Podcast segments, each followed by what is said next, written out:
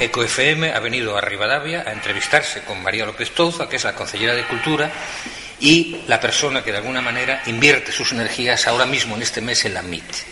Y María, José Ignacio Gómez Pérez, que es tu alcalde, Sí, define el teatro como un taller de reparación emocional, que a mí me pareció muy Qué interesante, bonito. ¿no? La MIT se ha convertido en estos 33 años en el espacio idóneo para ajustar los sentidos y agudizar las emociones. En otras palabras, podemos afirmar que se ha convertido casi en un lugar para una terapia de recuperación de ánimo y estabilidad. pues sí, sí, la verdad es que sí, el teatro da, energía, da energía, trae gente, eh, socialmente Rivadavia se mueve y mueve emociones. Yo desde que soy muy pequeña estoy vinculada al mundo del teatro porque mi abuelo hizo teatro prácticamente toda la vida y de pequeñita estuve en un grupo teatral. Y, y me parece impresionante lo que, en lo que dura una hora de espectáculo, la de sensaciones emociones que puedes llegar a sentir. Miedo, rabia, mm, emociones que a lo mejor llevas un día duro y de repente te cae una lágrima sin venir a cuento y eso es muy, muy bonito. Roberto Pascual, el director artístico, eh, ha dicho la MIT es relevante a nivel local, nacional e internacional. Este logro, sin duda, se concibe desde un gran equipo, supongo. ¿Cuántas personas están implicadas en este proyecto de MIT? Pues muchas, contando desde el equipo nuestro de la Casa de la Cultura que estos días se volca con la MIT, eh, Roberto, Diego el productor, eh, el servicio todo de, de montaje de luz, sonido, equipo de carga y descarga, todos los voluntarios que tenemos con nosotros, tanto para las entradas, para acomodar a la gente esos días, mucho, mucho personal, sí.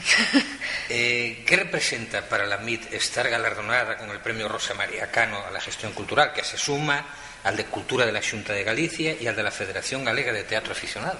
Pues supone otro, otro pasito más, ¿no? Que seamos reconocidos es siempre es importante, siempre gusta, ¿no? Porque a todo el mundo le gusta llevar un premio, a quien no le gusta. Y, que sea un premio a la gestión es, es muy importante. Eso denota que, que las cosas se están haciendo bien y que a nivel internacional pues nos vamos comunicando muy bien. 33 años de excelencia consolidan a la MIT como espacio escénico de primera y una marca atrayente. Eh, ¿Cuáles son los patrocinadores y mecenazgos que contribuyen al sostenimiento? Pues sobre todo, sobre, yo destacaría sobre todo eh, la implicación del resto de instituciones. Nosotros, la MIT, prácticamente se, se nutre de subvenciones del Estado, de la Junta de Galicia y de la Diputación.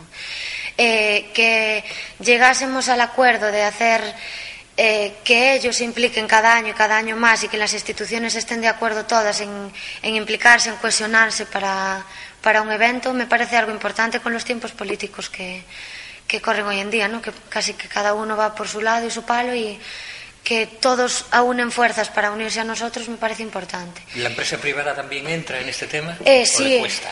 Eh, no, no, se- se- sobre todo empresa local. Nosotros Empresa local. eh, muchas bodegas a, a nivel local y, y zonas de, pues de, de que estos días también de turismo, de, de dormir, hoteles, eh, casas de turismo rural, siempre se implican con nosotros. Incluso ya no solo hay mucha gente que sí pone dinero y, y tiene el patrocinio en el libro, pero ya no solo el dinero, ¿no? De pues dejarnos material, empresas que nos dejan material, empresas que pues que nos regalan para la inauguración ciertas cosas, que siempre están con nosotros si nos hace falta apoyo en alguna cosa, las empresas locales se portan muy bien con nosotros. Como plataforma que activa las potencialidades culturales, influye como motor turístico en la zona. ¿A qué otros sectores que generen movimiento económico se le puede vincular? Pues a todo. Tener gente en Rivadavia durante muchos días es que mientras no hay espectáculo de calle o espectáculo en el castillo, Consumo. consume, se mueve por aquí, visita las zonas de al lado y, y conoce la zona. Y a mí lo que me parece más importante ya no solo es el consumo, que claro que las empresas de la zona les encanta ganar dinero y aprovechar el verano, que el invierno es muy duro, sino que tú vas a un sitio y para mí el boca a boca es importante. Tú vas a un sitio y si sale bien y te gusta, cuando llegas a tu sitio de origen, pues comentas, ah, pues Rivadavia me gustó y vete que merece la pena ir. Y eso hace atraer a mucha más gente. Supongo que las bodegas en esto sí que podrán saber lo que significa la MIT para sus promociones, ¿no? Sí, tanto a nivel de pedir los vinos por aquí de la zona como de visitas guiadas, que estos días pues también aprovechan para hacer ese tipo de visitas guiadas y de enseñar su producto y venderlo, claro. Eh, siendo una referencia teatral en todos los niveles, esta es una pregunta que tiene bastante de, de presente y de futuro, ¿no? ¿Se plantea contar con una escuela oficial de artes escénicas? ¿En algún momento se ocurrió a alguien pensar en que aquí podría venir mucha gente a prepararse para ser actores? Pues la verdad es que tengo que ser sincera y nunca me lo había planteado. Es la primera vez que, me lo puedo llegar a plantear con esta pregunta. Bueno, pues desde EcoFM se lo ofrecemos.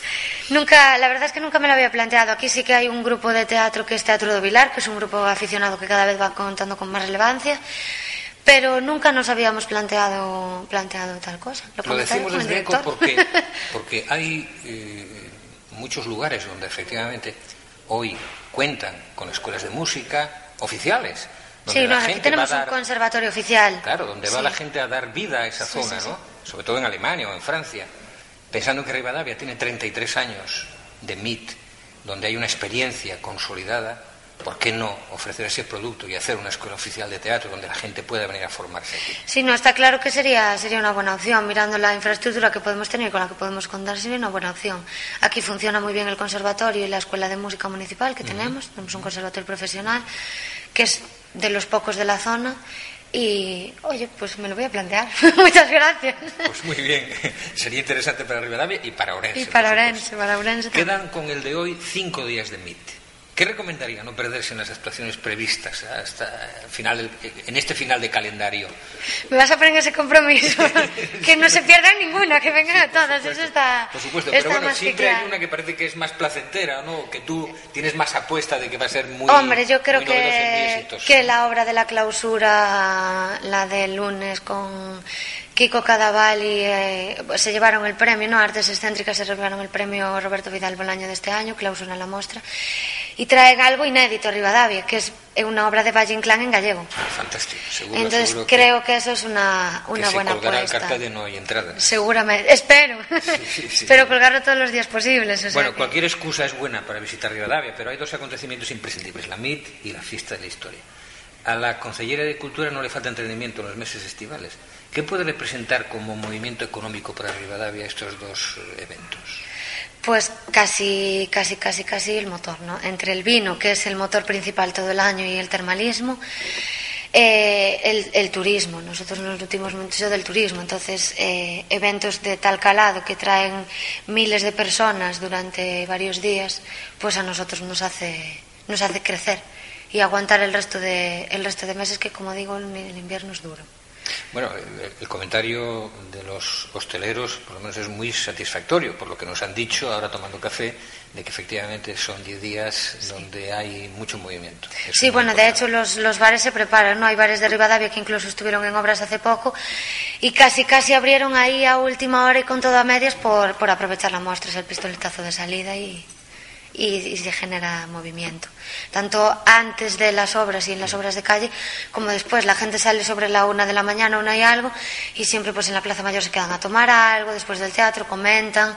Hay mucha gente de fuera, especialista de teatro, y se genera un buen ambiente. Pues eh, para seguidores de la MIT y coleccionistas, decirles que todo el merchandising referido a esta muestra está en el escaparate virtual y se puede solicitar a través de la página web www mitrivadavia.com. Y también en la oficina que tenemos en la entrada de la Plaza Mayor. Perfecto, perfecto. Y decirles a ustedes que la concejera María López Touza es ni más ni menos que pariente directa de Lola, Julia y Amparo Touza, dos, tres mujeres eh, de energía que hoy están en los medios por aquella eh, aquella acogida que hacían en la época nazi de judíos que salvaron vidas como Slinder. la lista de Slinder, ellos también tenían su propia, su propia lista aquí, ¿no? Eh, en aquella famosa Estación de la Libertad, ¿no? Sí. Que era una especie de, de, de, de, kiosco, ¿no? que ellas tenían, un negocio donde hacían, ocultaban a la gente refugiada extraordinario el ADN que te han dejado, María. Muchas gracias. La verdad es que me siento muy orgullosa. Felicitaciones, es para estar. Muchas gracias. muchas gracias.